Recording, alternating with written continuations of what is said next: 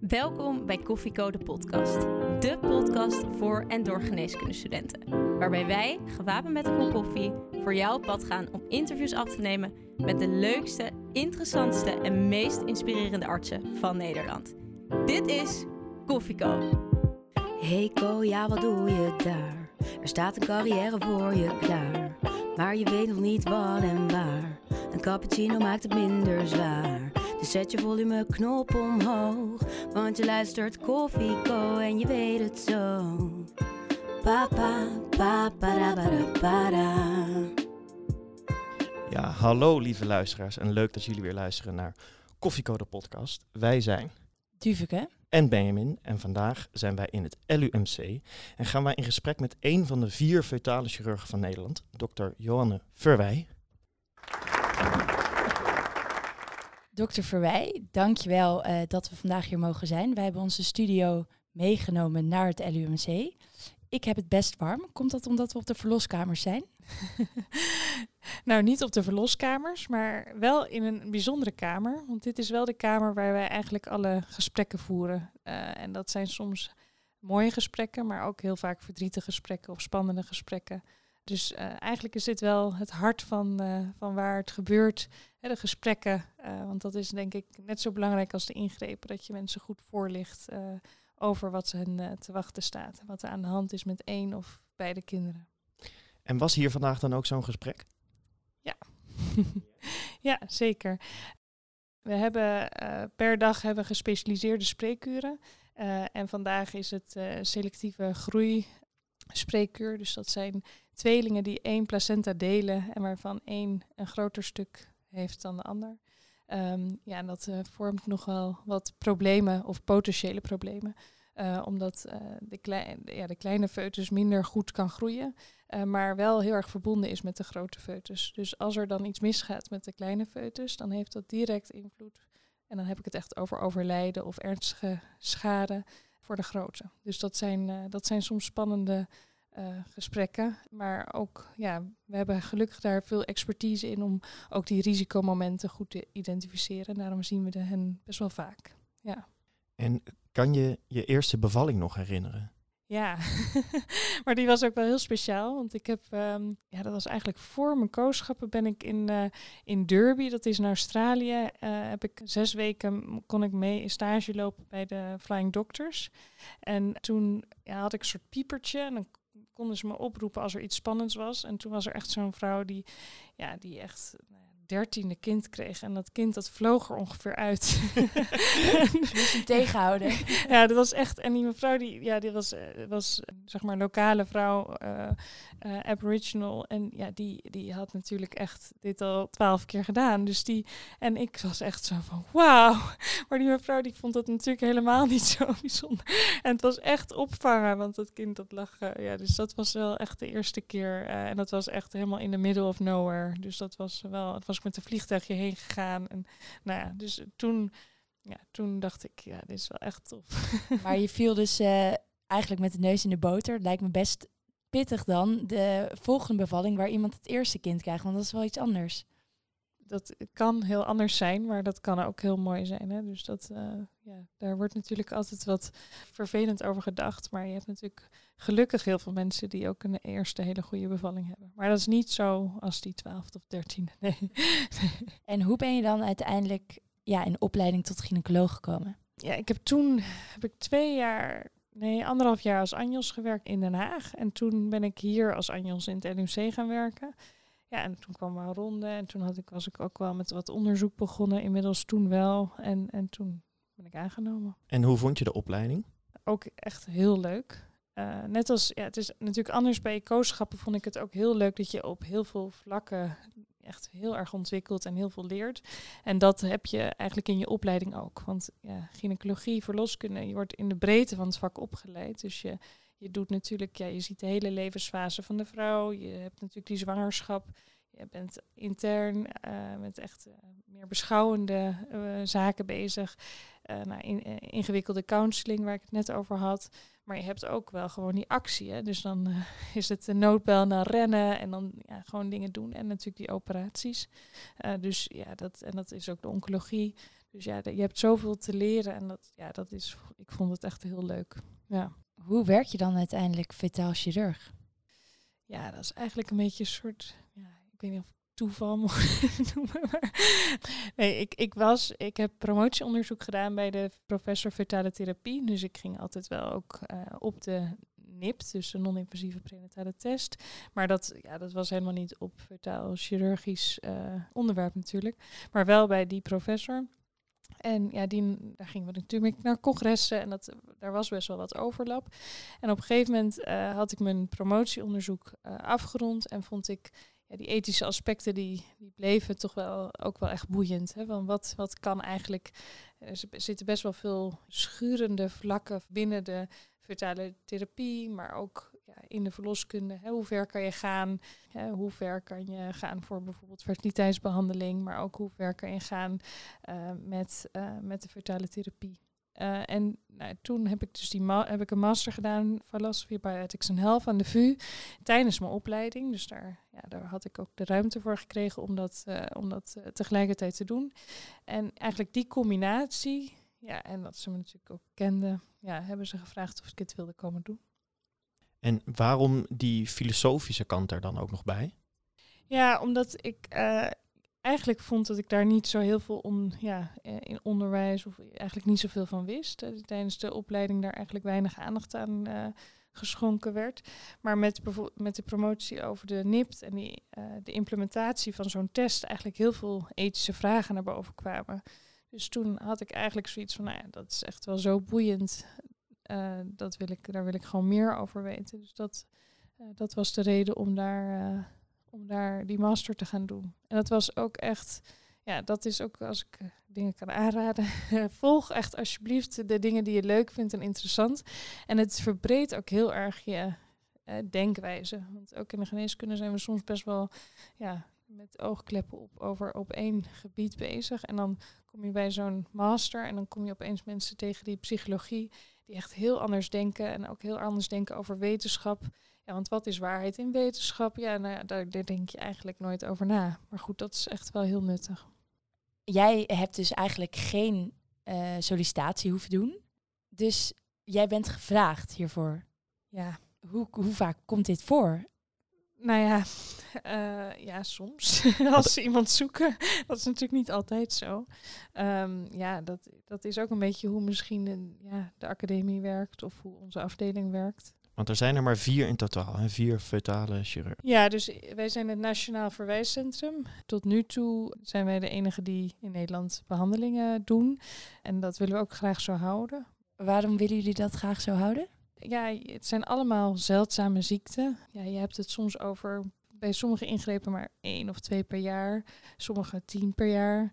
Uh, nou, de, de, ingrepen die we vaker doen, dan doen we wel een keer 40, 50. Maar ja, als je dat dan ook nog gaat verdelen over het land, ja, dan heb je ja, echt wel een probleem met het expertise behouden van ons, maar ook voor het andere centrum. En als je nagaat dat je voor sommige ingrepen 30 of 40 ingrepen moet doen om je bekwaam te laten zijn, ja, die, die mensen die, die komen af en aan, maar die zijn niet te plannen. En soms zijn het er meer dan andere momenten. Ja, je bent ook niet altijd aanwezig. Dus je, je, je leercurve, daar gaat echt jaren overheen. Dus als je dat dan ook nog verdeelt over het land, dan is dat ingewikkeld. Dat wilde ik al vragen. Wat gebeurt er als jullie alle vier ziek zijn? Nou, dat, dat is gelukkig nog niet zo voorgekomen. Kijk, als dat één dagje is, dan zijn de meeste ingrepen natuurlijk wel een dagje te verzetten. Maar we hebben een alliance met Leuven en Stockholm. En daar zitten ook uh, dus vertaal chirurgen. En daar is gewoon een, ja, een echt een contract voor als wij in de problemen komen, dat zij bij ons komen opereren. En, en wij hebben ook bijvoorbeeld wel eens daar uh, moeten helpen. We hebben het er heel de tijd over, over de fetale chirurgie. Zou je het eens een keer in een paar zinnen kunnen uitleggen? Want ik, wat ik voor me zie is opereren op een foetus, maar dat is heel simpel gezegd. Ja. Ja, dus de fetale therapie, chirurgie is best wel breed. Je kan eigenlijk uh, de foetus behandelen met medicijnen. Nou, daar hebben we het nu niet over, maar uh, dat is ook een vorm van fetale therapie.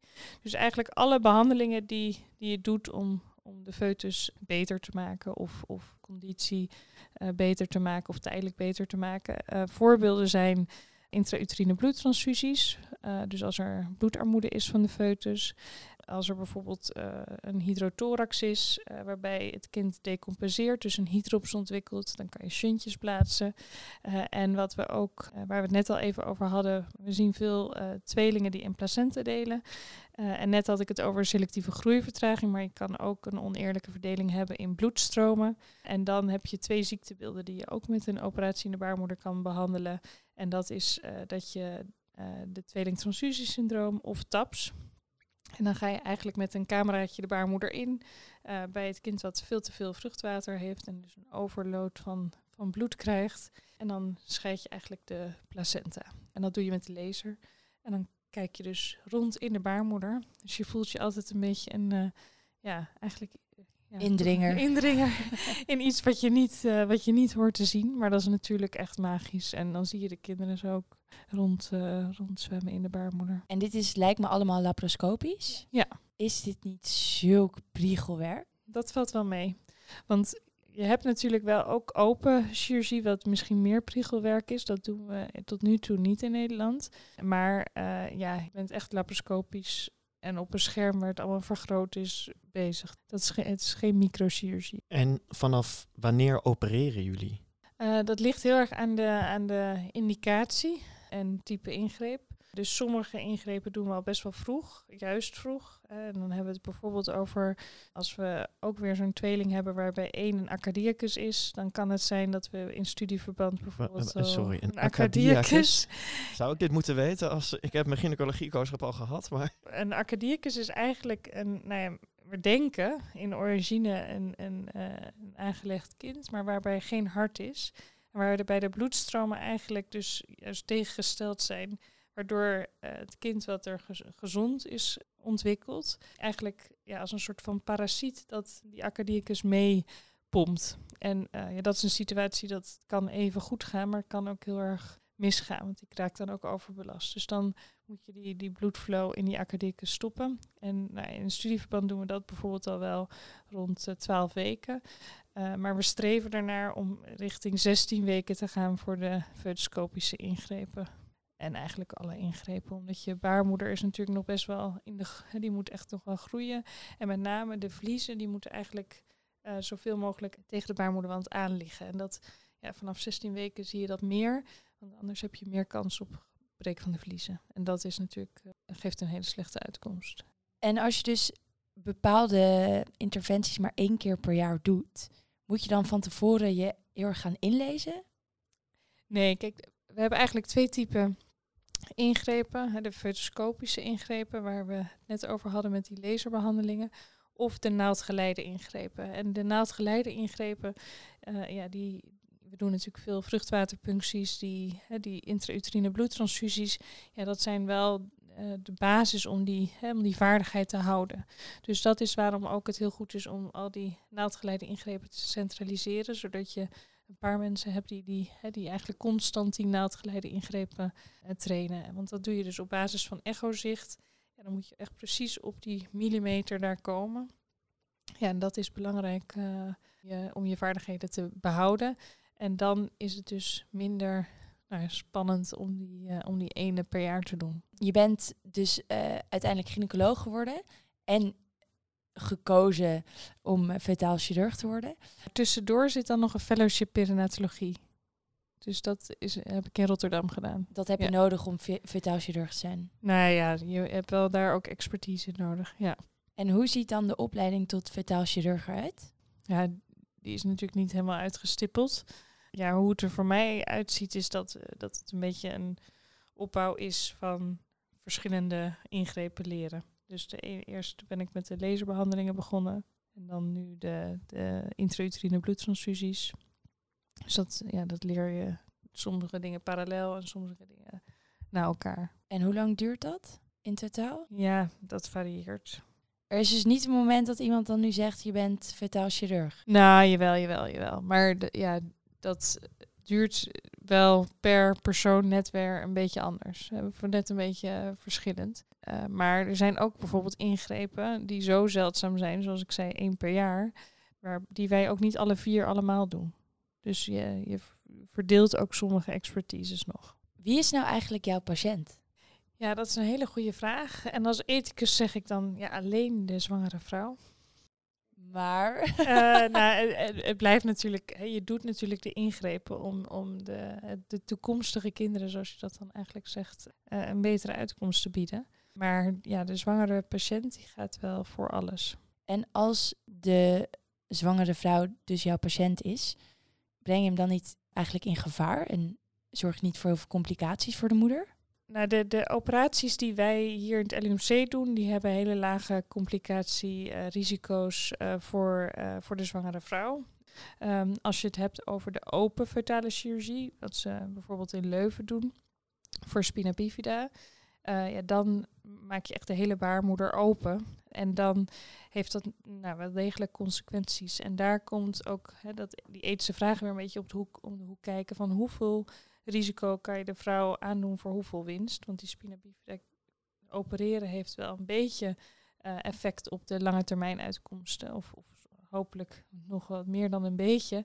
Maar je maakt nooit meer dat kind helemaal gezond. Maar je maakt wel die vrouw, die doe je een hele grote operatie aan. En twee keer, want daarna moeten ze natuurlijk ook nog per keizersnee bevallen.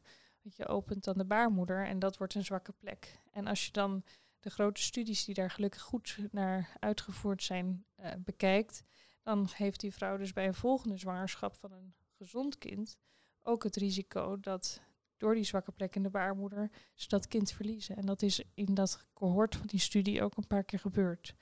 Dus ja, hele goede voorlichting, maar ook zeker de balans, wat is proportioneel voor, hè, qua risico voor de moeder en toekomstige kinderen, moet je wel altijd wel blijven afwegen. En daar zie je dus nu ook een beetje een schuivend vlak. Want eigenlijk behandelden we eerst alleen aandoeningen die zwangerschapsspecifiek waren, die dus een probleem geven in de zwangerschap.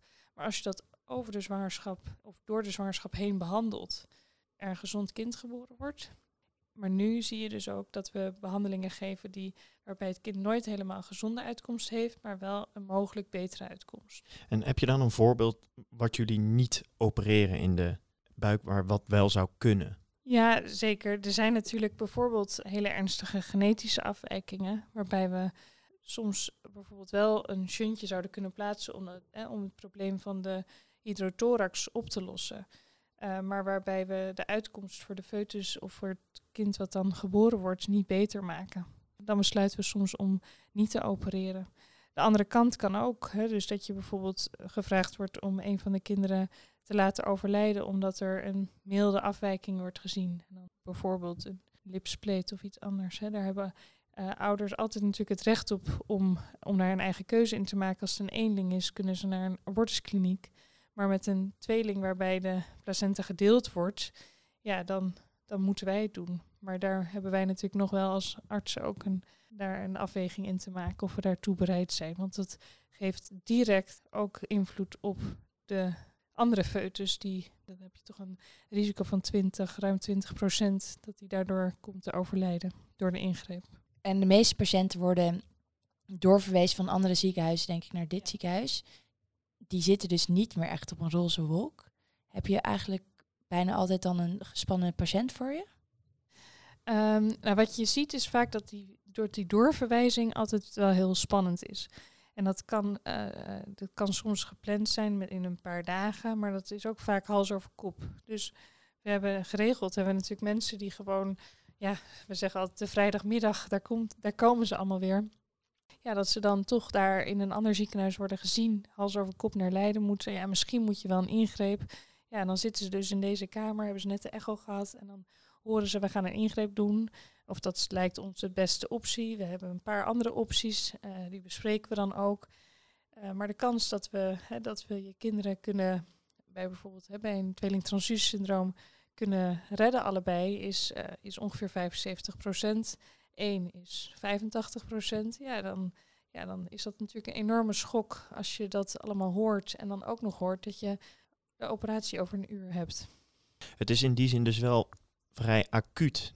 Sommige, ja, sommige diagnoses zijn vrij acuut, dus we hebben ook allemaal, we zijn ook altijd uh, oproepbaar. Dus we zijn 24-7 is een van ons vier bereikbaar voor eventuele uh, nou ja, beoordelingen en ingrepen. En dan ook de normale diensten draaien jullie mee van de gynaecologie? Ja. Is dat niet af en toe een beetje pittig? Nou, soms kan het natuurlijk net een beetje onhandig uh, samenloop zijn, maar meestal is dat eigenlijk altijd, uh, is de combinatie juist heel leuk. En ja, het zijn natuurlijk allemaal vragen die uh, heel specifiek zijn, waar jij ja, ook heel in geïnteresseerd bent. Dus het is eigenlijk altijd wel heel leuk om, en ook heel leuk om allemaal collega's uit het land te spreken die je kent. In een vak waar zo weinig evidence-based is, hoe belangrijk is dan onderzoek doen? Er zijn gelukkig heel veel uh, onderzoeken uitgevoerd. Het vervelende ervan is, is dat die onderzoeken soms tien jaar duren omdat het natuurlijk een zeldzame ziekte is. En dus uh, wat, wat we heel veel doen, en dat doen wij ook uh, als, uh, als Leiden, is onderzoek samen doen met andere centra over de hele wereld. Dus we hebben heel veel registratiestudies, RCT's die ook internationaal uitgerold zijn geweest of die nog lopen. En zo proberen we dus juist wel die evidence-based medicine te creëren. Maar ja, voor heel veel vragen, maar dat is... De moeder gaat onder narcose? Nee. De moeder blijft wakker? Ja. En, ik, en het kind? De moeder die krijgt wel pijnstilling en wat uh, midazolam. Dus, maar ze zijn meestal wel, ja, je kan ze wel wakker maken. Als je een, een bloedtransfusie geeft, dan geef je het kind ook uh, pijnstilling. Uh, maar bij de laser, dan kom je eigenlijk niet aan de kinderen. Dus dan, dan hoeven ze geen pijnstilling te geven. Hoe geef je dan een foetus pijnstilling? Ja, een prik in het been van de foetus.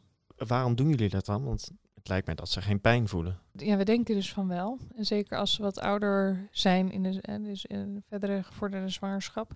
En bij een intrauterine bloedtransfusie geven we, uh, heb je twee methoden. Kan je via de, de wortel van de navelstreng in de placenta het geven. Dan geven we pijnstilling of hè, ook wat, wat paralyse, dat ze goed rustig blijven. Als we al hebben geprikt, maar als we in de lever venen, dan moet je ook echt het kindje aanprikken. Ja, dan moeten we dus ook echt ervoor zorgen dat, ja, dat het kindje daar ook uh, pijnstilling voor heeft. Dus dan geven we van tevoren in het beentje uh, pijnstilling. En er is ook een middel zodat ze stil blijven liggen en de ingreep veilig uh, uitgevoerd kan worden. De co-telefoon. De co-telefoon, een vraag ingestuurd door een van onze luisteraars. We hebben deze keer super veel vragen gekregen, dus dankjewel daarvoor. Allereerst is er een vraag van uh, Sasha Baars en Rara Ali. Mag ik een dagje meelopen? nou, dat wordt ons wel vaker gevraagd. En dat kan, kunnen we natuurlijk niet onbeperkt uh, honoreren. Uh, maar als er een goed verhaal is, dan, dan zijn er wel mogelijkheden. En dan nog een vraag van Suzanne Hamers. Heb je ethische bezwaren waar je soms zelf mee worstelt? Nou, wat, wat bijvoorbeeld een, een lastige dilemma is, is dat je of je een kind met een uh, bijvoorbeeld een Down-syndroom, of je die moet behandelen uh, met bijvoorbeeld een shunt als er een hydrothorax is. Die combinatie komt vaker voor. Uh, en daar is bijvoorbeeld wel discussie altijd over. En dan kan je twee, twee kanten op. Je kan ouders hebben vaak bewust of onbewust in ieder geval gekozen om ja, een kindje met Down syndroom te aanvaarden. Dus waarom zou je dan niet een behandeling die, die, die misschien het leven zou kunnen redden, ontnemen?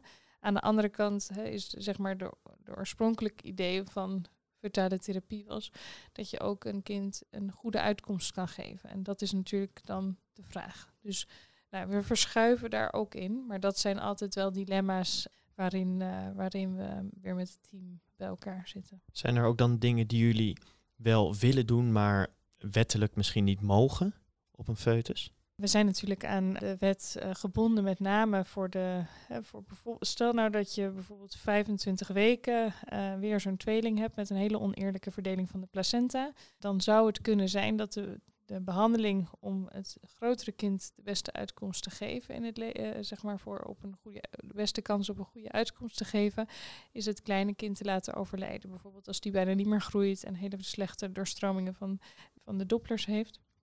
Ja, dan zou eigenlijk misschien de beste optie zijn om dat kindje te laten overlijden. Wat natuurlijk, hè, nu zeg ik het heel simpel, maar heel verdrietig is. Maar ja, anders verlies je ze misschien allebei.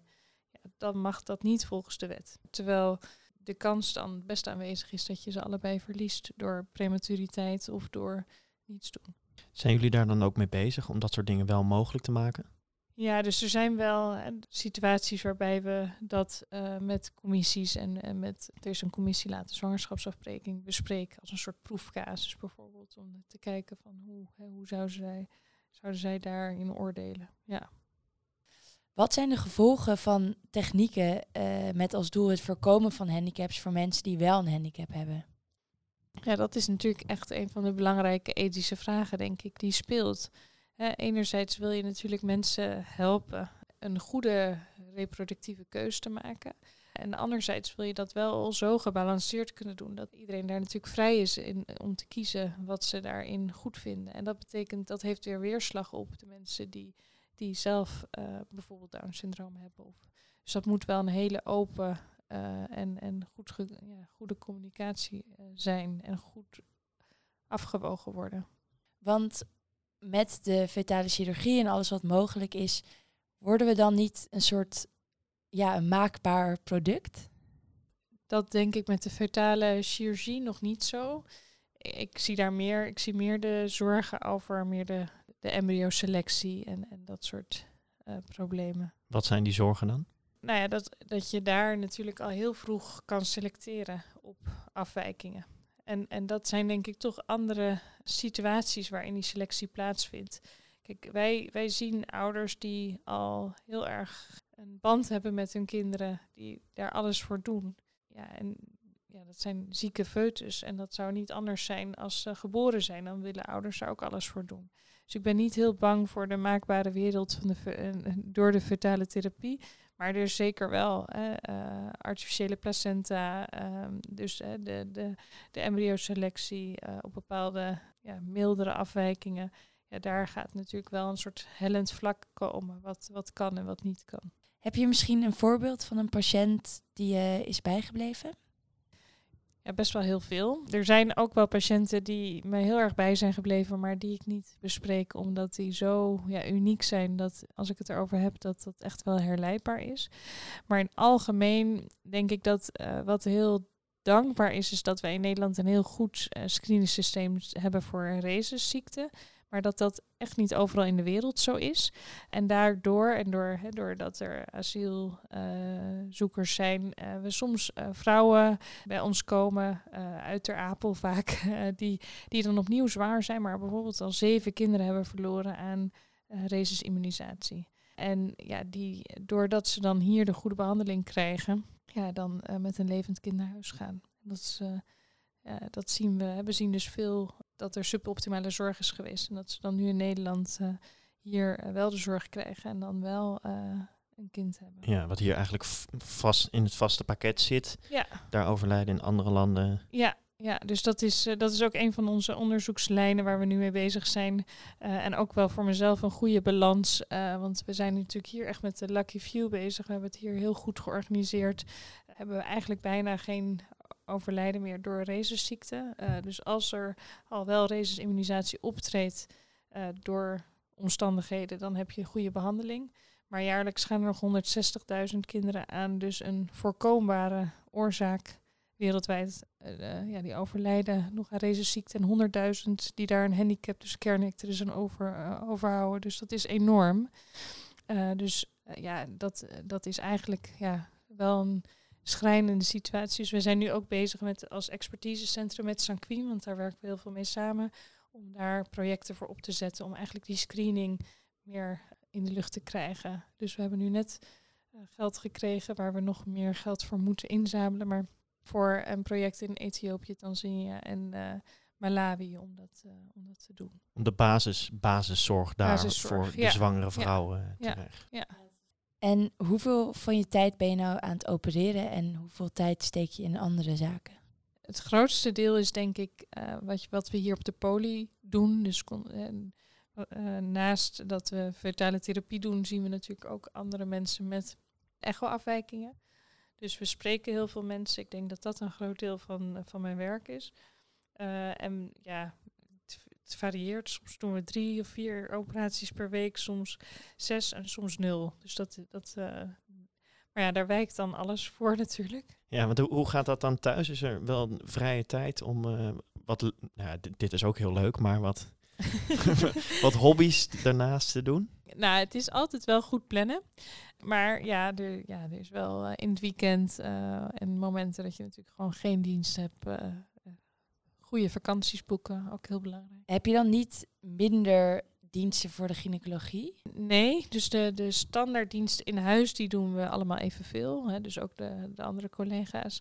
Eh, wat ik niet doe, is de, de obstetrische achterwacht. Dus dat, we hebben dat onderverdeeld in de, de, zeg maar de algemene verloskunde achterwacht. Dus als je bijvoorbeeld iemand nodig hebt die, die ook eh, een ex, eh, bijvoorbeeld een keizersnee moet gaan doen omdat jij een vacuüm moet doen, die hoef ik niet te doen. Maar met mijn collega's doe ik dan één op vier vertalen achterwacht. Vind je het fijn om ook nog wel eens de normale bevalling te Ja, zien? heerlijk.